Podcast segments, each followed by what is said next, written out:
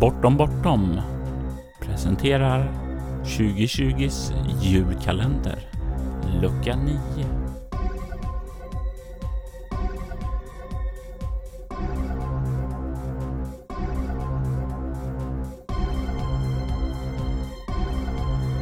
Bakgrundsmusiken i detta avsnitt gjordes av Derek and Brandon Fichter och vignettmusiken gjordes av Robert Jonsson.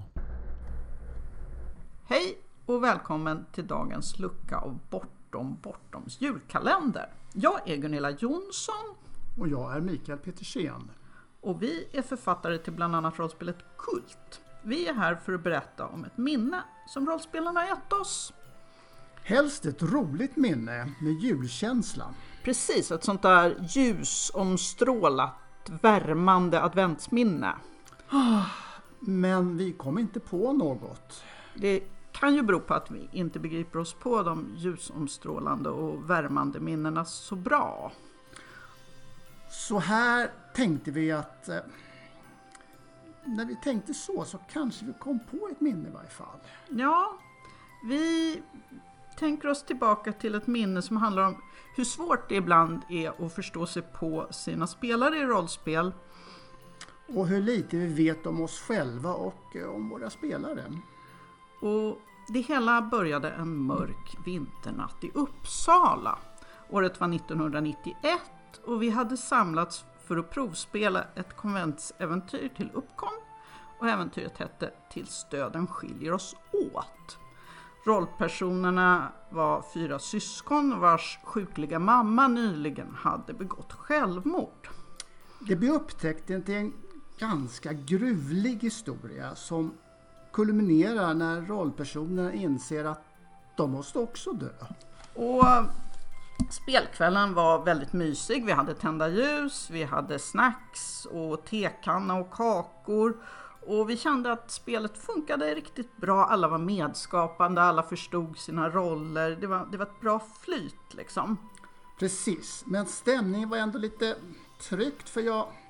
Det här var ju faktiskt ett ganska nattsvart äventyr på alla sätt. Men jag som den okänsliga och dumma spelledare jag var, jag uppfattade väl inte riktigt varifrån den här tryckta stämningen kom. Så en bit in i handlingen, ungefär där alla var tvungna att dö på ett eller annat sätt.